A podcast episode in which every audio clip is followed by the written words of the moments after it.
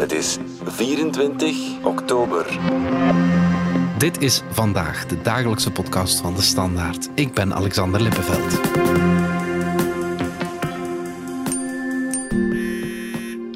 Drie uur per dag kijken we naar onze smartphone. En de helft van de tijd is het om Instagram, Facebook of een ander sociaal medium te volgen. Klinkt een beetje ongezond, toch? Of maken we ons weer zorgen om weinig? De Universiteit Gent wil het uitzoeken en doet dat niet alleen, maar samen met 2000 Vlamingen en met de Standaard. Over ons digitaal welzijn en hoe u het onderzoek daarnaar kunt helpen, praat collega Bart Tobbelaren met journaliste Eva Bergmans en onderzoekster Mariek van den Abelen.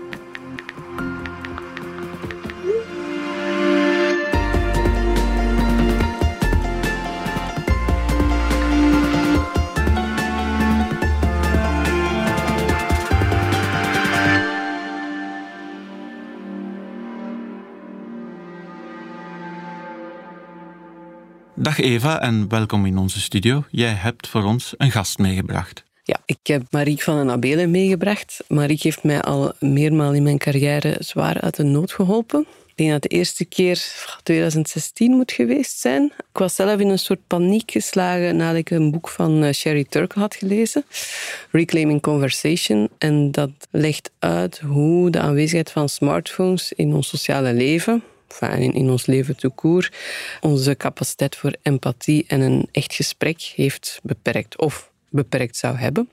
Bon, en ik wou daar uh, artikels over schrijven, maar bijna niemand wist daar iets over. En een van de weinige Vlaamse onderzoekers die daar wel iets over kon zeggen, was Mariek. Aha, dank u, Eva. dat is een mooie binnenkomen. Ja, dat is een mooi compliment. Ehm, ik omschrijf mezelf liefst als professor in de digitale cultuur, omdat ik dat heel interessant vind, hoe eigenlijk de opkomst van al die nieuwe media hebben veranderd, wat we normaal vinden, hoe we de dingen doen, hoe we onze samenleving organiseren. En wat het effect daarvan is natuurlijk op individuele mensen. Want dat is wat we willen onderzoeken in on-off. Klopt, ja. Het ONOF-onderzoek is een onderzoek van de UGent. Het is een initiatief dat we hebben ontwikkeld samen met de Standaard. UGent is verantwoordelijk voor het effectieve onderzoeksluik en de Standaard zal communiceren over de onderzoeksbevindingen. Rond uh, digitaal welzijn bijvoorbeeld hebben we nog focus in onze hedendaagse samenleving. Hoe gaat het met onze sociale relaties sinds de komst van die digitale media en maakt de komst van die smartphone en die laptop ons nu eigenlijk gelukkig of eerder uh, ongelukkig? Ik zei het, het is een groot onderzoek, een burgeronderzoek. Ja, we hopen 2000 lezers te vinden die daaraan mee willen werken en die even benieuwd zijn als wij naar eh, de link tussen de smartphone en het algemene uh, welbevinden. En het is een uh, burgeronderzoek omdat we bij de deelnemers best wel, we verwachten best wel wat van hen. Het is geen klassiek uh, vragenlijstonderzoek. We vragen deelnemers om een app op hun smartphone te installeren, waarmee we ze eigenlijk meermaals per dag korte vragenlijstjes kunnen sturen, om eigenlijk echt hun ervaring in het moment te kunnen capteren. En tegelijkertijd kunnen we hun smartphonegebruik loggen op de achtergrond. We gaan dan niet weten met wie je communiceert of wat je precies leest of schrijft, maar we kunnen wel zien wanneer je een bepaalde app opent, wanneer je een bepaalde app sluit, wanneer je bepaalde notificaties ontvangt.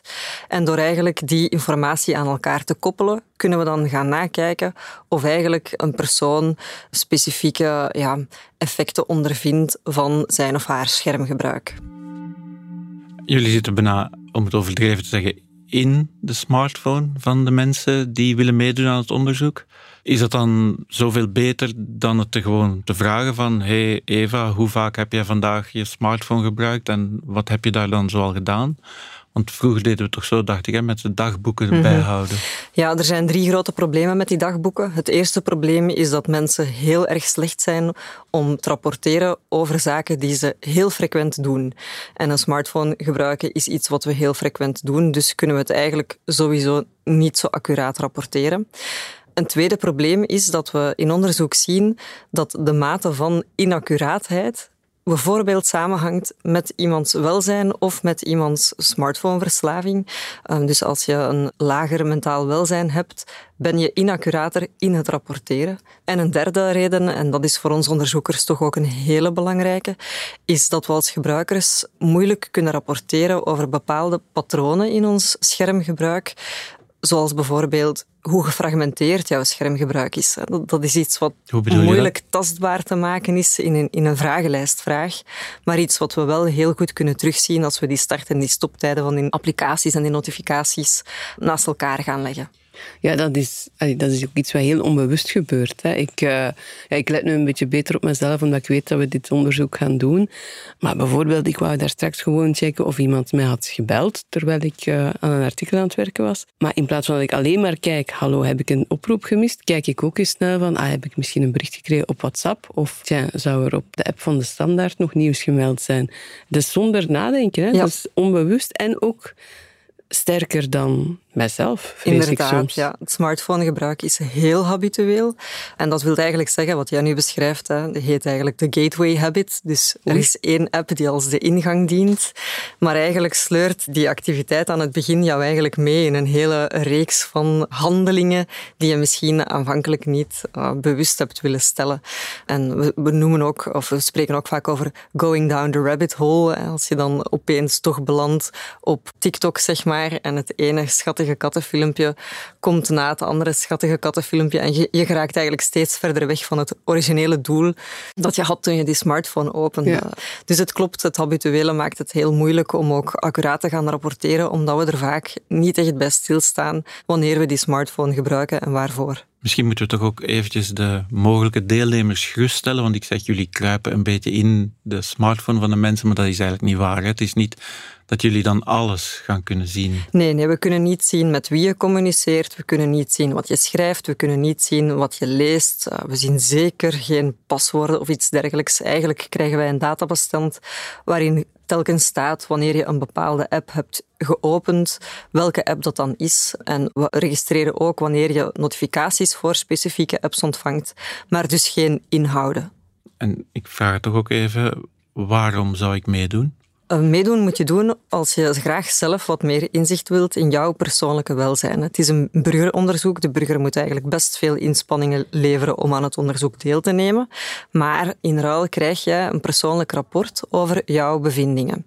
Want we gaan jou natuurlijk twee weken opvolgen. En dat wil zeggen dat we over die twee weken heen uh, best wel wat informatie over jou kunnen inwinnen. En die informatie die geven we natuurlijk graag aan jou terug, zodat je kan nagaan hoe het eigenlijk gesteld is met jouw persoonlijke digitaal welzijn. En dat je een beetje geconfronteerd wordt met je eigen gebruik dan. Dat je... Ja, ik denk het wel. Hè. Maar Absoluut. Ik, ik, vermoed ook dat we als krant dat we mensen op weg kunnen helpen om hun smartphonegebruik meer naar hun hand te zetten. Dat je iets uh, meer meester bent van de smartphone. Ja. Ja, er is ook heel veel morele paniek over wat die smartphone precies met ons doet. Dus misschien is het ook wel heel geruststellend om te ontdekken dat we ons misschien veel zorgen maken over niets. Minder. Ja. ja. Ik zei het daarnet, en jullie zeiden het ook, het gaat eigenlijk over ons digitaal welzijn. Nu, op zich is dat nog een relatief nieuw begrip, digitaal welzijn. Ja, het is een heel nieuw begrip. En met nieuwe begrippen komt altijd ook een beetje een onduidelijke fuzzy definitie.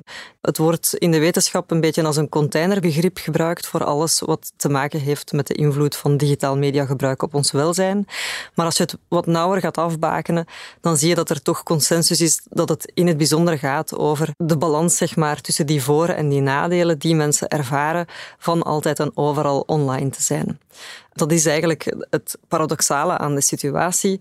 Die smartphone is voor veel personen een heel ambivalent object. Want enerzijds geeft hij ons heel veel autonomie, maar anderzijds voelen we ons ook heel vaak gecontroleerd door die smartphone.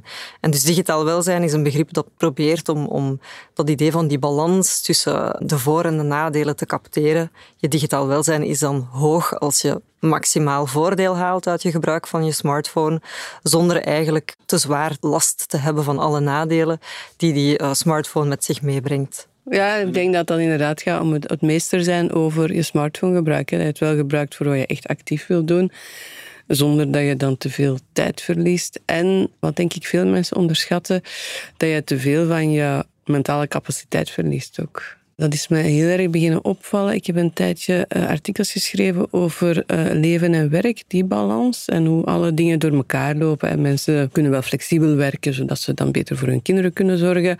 Maar tegelijk werkt dat allemaal op elkaar in. En ja, zijn mensen nooit nog uitgeschakeld. Dat je denkt van alles is veel makkelijker geworden, maar tegelijk is alles ook onbeheersbaar geworden. En ben je van bij het opstaan tot s'avonds laat beschikbaar ook voor die technologie. Je denkt, ik gebruik die technologie, maar tegelijk zit dat de hele tijd om van alles te vragen. Mm zelfs als je denkt, ah, ik ga heel even ontspannen, ik ga wat scrollen op Facebook. Ik denk dat we heel erg onderschatten wat dat dan vergt. Want ofwel registreer je niks van wat je dan als scrollen tegenkomt op Facebook en dan is het zinloos. Ofwel krijg je inderdaad input, maar dan moet die ook weer verwerkt. En al die capaciteit kun je niet meer gebruiken om iets anders te verwerken. Maar ik ben nogal uh, pessimistisch hierover, ja, zoals nee, nee, nee, misschien maar, opvalt. Ja, je, ziet eigenlijk, hè, je zijn eigenlijk, eh, ik denk dat je het heel mooi beschrijft met het uh, nooit meer uitgeschakeld zijn. En dat is toch ook als we kijken naar problemen zoals burn-out, wordt heel vaak verwezen naar de altijd aan samenleving, waarin je altijd aanstaat. En daar heeft die technologie natuurlijk een, een hele belangrijke rol in gespeeld als facilitator van die vervaging. En eigenlijk proberen we met het onderzoek dat een beetje zichtbaar te maken, want we hebben allemaal daar een heel sterk intuïtief aanvoelen over. Maar om het dan echt zichtbaar te maken in cijfers, dat is iets waar toch nog echt wel ruimte voor is. Want je hebt nu ook echt bijna wetgevende initiatieven die gaan over het recht om offline te zijn. Het recht van een werknemer om te zeggen, kijk, na acht uur moet je mij niet meer mailen, want ik ben er gewoon niet. Heeft dat dan zin? Dat we dat proberen een beetje te reglementeren? Ja, ik denk dat dit, soort van eh, wetgeving of, of, regelgeving heel goed te begrijpen valt als een manier waarop wij de technologie proberen te temmen. De technologie is eigenlijk nog maar 15 jaar. Die smartphone is 15 jaar in ons leven. Dat is eigenlijk nog maar heel recent. En wat je nu eigenlijk ziet de voorbije vijf jaar, is dat het digitaal ontkoppelen heel erg in de lift zit. En dat dus effectief ook meer en meer wordt erkend dat mensen hier een recht op hebben, dat het een fundamentele menselijke behoefte is om ook niet aan te staan, zeg maar. En we kunnen natuurlijk kijken naar het individu die daar zelf verantwoordelijkheid voor neemt. Maar dat is niet zo gemakkelijk als je in een bedrijf leeft waarin er hele sterke normen bestaan om nog na de werkuren te communiceren, om altijd beschikbaar en responsief te zijn, is het best moeilijk om als individu digitaal te gaan ontkoppelen s'avonds.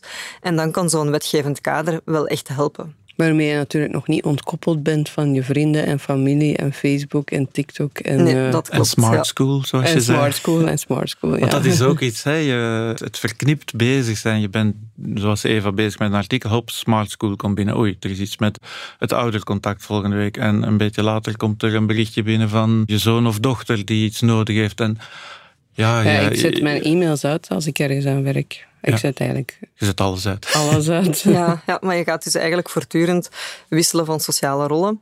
En ook heel vaak taken ertussen nemen die tot een andere rol behoren. En dat denk ik is de essentie van die ervaring van het altijd aanstaan. Dat eigenlijk al die sociale rollen bijna permanent geactiveerd lijken. Want op, op elk moment kunnen ze weer opgeroepen worden door een communicatie die binnenkomt op je smartphone of op je laptop. Ja, en daar is een mens toch niet voor gemaakt. Dat multitasken iets is wat eigenlijk niemand kan, is intussen toch afdoende bewezen. Ja, we, we, doen onze primaire taak minder goed wanneer we voortdurend verstoord worden door secundaire taken. Dus dat, komt zeker met een kost, want je moet altijd opnieuw uh, opstarten. Maar het kan ook gewoon cognitief belastend zijn om eigenlijk voortdurend heel veel ballen in de lucht te moeten houden voor al die verschillende rollen waar je verantwoordelijk voor bent. Ik denk dan soms als ik naar mensen kijk dat ik de verschillende to-do-lijstjes bijna in, in luchtballonnetjes boven hun hoofd zie hangen. En het digitaal ontkoppelen, bijvoorbeeld um, weten we al lang uit onderzoek dat hè, s'avonds afstand kunnen nemen van, van je werkrol, hè, dat dat heel belangrijk is om s'avonds terug te kunnen herstellen en s'morgens met een, uh, een fris, uh, fris, hoofd. terug te kunnen starten. Het is ook een wildgroei aan communicatie. Hè? Dus, uh... ja, ja, en dat merken we zeker sinds de coronapandemie, dat het aantal kanalen waar langs we communiceren eigenlijk blijft toenemen. Dus ja, dat bedoel je. Je kan een sms krijgen, maar het kan ook een WhatsApp-bericht zijn. Wij op het bedrijf werken met Teams, daar kan je ook mee chatten. En voor je het weet, ja, gebruik je ene collega WhatsApp, de andere collega Teams en nog iemand sms. Ja, en daar wordt en mailt, sorry, mailt ook nog. Ik vind WhatsApp privé. Ik zie mijn WhatsApp ook alleen als ik daar tijd voor heb. En dan zijn er mensen die uh, professioneel op WhatsApp iets sturen. Schuldig. Ja, I know. Dat is op zich ook niet erg, maar dan kan het heel goed zijn dat ik het pas zes uur later gezien heb. En dan komt er een soort ergernis. Ja, ja. Ik denk sowieso dat onze verwachtingen omtrent hoe snel we antwoord krijgen op een vraag, die zijn denk ik wel wat opgeschoven doorheen de tijd. Dus ik denk dat we ook wel wat gewend zijn geraakt aan de altijd aan samenleving, dat je altijd ook snel een antwoord van de ander krijgt. En zeker in een communicatiekanaal als WhatsApp komen eigenlijk al die contexten samen. Een collega van mij gebruikt het begrip contextconvergentie, omdat je eigenlijk je groep vrienden, je groep familie, je groep collega's, iedereen zit eigenlijk in datzelfde platform, in die groepen. En uh, je kan dan nog de wil hebben om bijvoorbeeld niet die appjes te lezen van je collega's, maar mogelijk zien die collega's wel aan jouw status dat jij wel online bent geweest. Ja. Of misschien zie je wel dat er nieuwe berichten zijn en hè, we zijn natuurlijk ook menselijke wezens. Als daar een prikkel is, dan willen we graag op die prikkel ingaan. Als je dat rode bolletje ziet, dan wil je dat rode bolletje wegwerken. Um, het vergt veel discipline en wilskracht om op dat moment die, die berichtjes niet te gaan lezen. Ja, en dan blijft het hangen in je hoofd. Hè, van, ah ja, ik heb gezien dat er iets binnengekomen is, dus ik moet, ik moet straks nog eens kijken wat Bart ja nu te melden had. Ja, ja, ja, ja, En het is te hopen dat het niet dringend was. Ah, ja, misschien is het dringend. Ah ja, nee, ik zal het toch wel snel lezen. Ja, dan kan ik even goed antwoorden. Een collega zei onlangs, ze zei, ja, ik heb last van uh, compulsief antwoorden. Dus als ze iets gezien heeft, of het nu e-mail, sms, uh, whatever, zij moet meteen antwoorden. We gaan er even uit voor een boodschap. Wil jij je passie omzetten in Lego-stenen? En wil je iets verwezenlijken? Met je eigen handen. Het plan uitvoeren, blad na blad, stap voor stap. Super gefocust. Je bent in het moment. En je ziet het voor je ogen groeien. Lego bouwplezier. Dat is toch het schoonste wat er is? Wil jij ook je passie omzetten in Lego plezier? Zoek dan snel op Lego sets voor volwassenen. Zo, we zijn weer terug. Marieke, Eva, ik heb toch de indruk dat we dringend iets positiefs moeten zeggen over onze smartphone. Het is duidelijk dat we hem niet kunnen missen. Want als we, hem, eh, als we hem graag de deur uit wilden gooien, dan hadden we dat natuurlijk al lang gedaan. Want je zou kunnen zeggen, dankzij die smartphone of dankzij Facebook heb ik toch een aantal vriendschappen die ik op die manier een beetje kan onderhouden, waardoor ik die mensen ook niet elke dag moet bellen met de vraag hoe was je dag. Absoluut, ja. ja, ja. En ook heel veel van de logistieke communicatie van het dagdagelijkse leven. We noemen dat microcoördinatie. Wie gaat er de melk halen? Geraak je op tijd aan de school om de kinderen op te pikken enzovoort. Um, dat zijn echt grote voordelen van die, van die smartphone, waar we denk ik ook geen afscheid meer van willen kunnen nemen. Dus het, het, gaat echt om die balans, om die eh, ja, te optimaliseren, denk ik. De voordelen zo groot mogelijk maken en de nadelen minimaliseren. Zorgt de smartphone eigenlijk dat we meer verbonden zijn met elkaar, met onze vrienden, met onze familie? Of uh, maakt dit ons zo ingewikkeld dat iedereen een beetje van ons wegdrijft en dat iedereen een verre Facebook-vriend dreigt te worden? Wel, dat is een van de vragen die we ook proberen te beantwoorden in het onderzoek. Opnieuw, het is een, een complex en genuanceerd verhaal. Die smartphone speelt een ontzettend belangrijke rol in ons sociale leven. Als je denkt aan schijnbaar arbitraire interacties, zoals elkaar een uh, grappige meme sturen, of uh, s morgens of s avonds gewoon even slappen of een fijne werkdag wensen aan je partner. Dat zijn eigenlijk hele belangrijke sociale activiteiten die we eigenlijk doen, die onze sociale relaties voor een stukje in stand houden. Want elke keer wanneer jij mij een uh, leuke meme stuurt, Bart, word ik wel bevestigd in het feit dat wij een, een vriendschapsrelatie hebben. En als ik daar dan op reageer met een uh, hartje of een duimpje, word jij ook opnieuw bevestigd. Dat maar als je uh, niet reageert, begin ik te denken van... Dat is het, ja. dat is het complexe. Kunnen, of als je die meme naar mij zit te sturen terwijl Eva erbij zit wat doet dat dan met Eva? Dat jij eigenlijk op je smartphone zit. Dus ja, de samenleving is best complex geworden door die aanwezigheid van die technologie. Daarom is het ook zo belangrijk dat we dit onderzoek doen. En wat hopen jullie nu bij te leren? We hopen twee zaken bij te leren. Het eerste wat we hopen bij te leren is op welke momenten, bij welke types personen, in welke specifieke gebieden, bijvoorbeeld aandacht of sociale interactie, Zien we nu positieve effecten en zien we nu negatieve effecten door die kennis? Kunnen we dan, en dat is hopelijk het tweede doel, mensen gaan informeren, zowel individueel als je een individuele deelnemer bent, maar ook het bredere publiek via de standaard. En sociale verandering in onze samenleving, dat kunnen we alleen maar samen bereiken. Dus als wij vinden dat onze altijd aan samenleving te belastend is, en we zien dat eigenlijk weerspiegeld in de onderzoeksresultaten, dan kunnen we misschien allemaal samen onze schouders daaronder zetten. Sociale verandering gaat traag, maar als we allemaal aan, aan hetzelfde koord trekken of aan hetzelfde touw trekken, kunnen we dan misschien ook wel een, een stukje in onze wereld veranderen. Elke wetenschapper is denk ik van binnen een idealist, dus die komt nu even naar boven. Maar ik denk dat Eva ook een idealist is. ik wou het net zeggen, ik, hoop een beetje hetzelfde. Hè? Dat een gesprek op gang komt, ook met de lezers, ongeacht of ze deelnemen aan het onderzoek of niet, maar dat we daar samen aan de hand van die onderzoeken over kunnen nadenken van oké, willen we dit en hoe, hoe gaan we daarmee om? Oké, heel fijn. Ik ben overtuigd om mee te doen. Ga jij meedoen, Eva? Ja, ja, zeker. Ik ben heel erg benieuwd. Uh, ik vind het ook erg spannend en ik ben een heel klein beetje bang, omdat ik dus al genoeg problemen met mijn smartphone heb um, qua concentratiebewaking. En ik denk dan van, oei, gaat dat mij niet te veel tijd van mijn werkdag of van mijn uh, vrije tijd kosten? Ja, in het beste geval kost het je zes minuten per dag maar wel zes keer één minuut. Maar ik denk dat Eva de perfecte kandidaat is om deel te nemen aan ons onderzoek, omdat ik weet dat Eva het heel druk heeft. En dat is dus denk ik de moeilijkheid van dit onderzoek. Als we natuurlijk die altijd aan samenleving willen blootleggen, zou het heel mooi zijn als we ook deelnemers kunnen aantrekken die eigenlijk zelf wel het leven als heel druk ervaren. En dat zijn natuurlijk de mensen die misschien niet liggen te wachten op nog een extra app op hun smartphone. Maar bij deze wil ik hen toch uitnodigen om misschien toch die extra inspanning te leveren in ruil voor die persoonlijke inzichten. Oké, voor de goede zaak. Voor de goede zaak. Okay, verkocht. Eva, Marieke, hartelijk dank om naar hier te komen. Gedaan. Met plezier. Ben je zelf benieuwd naar je digitale welzijn en wil je deelnemen aan het onderzoek? Schrijf je dan in op standaard.be slash onoff met dubbele F. Dit was vandaag de dagelijkse podcast van De Standaard. Bedankt voor het luisteren. Volg ons op Spotify, Apple Podcast of eender welk ander podcastplatform. In onze gratis FDS podcast kan je niet alleen ons werk beluisteren, maar ook de beste podcasttips terugvinden met zorg geselecteerd door onze redacteur Max de Moor. Alle credits van de podcast die je net hoorde vind je op standaard.be-podcast. Reageren kan via podcast.standaard.be. Morgen zijn we opnieuw.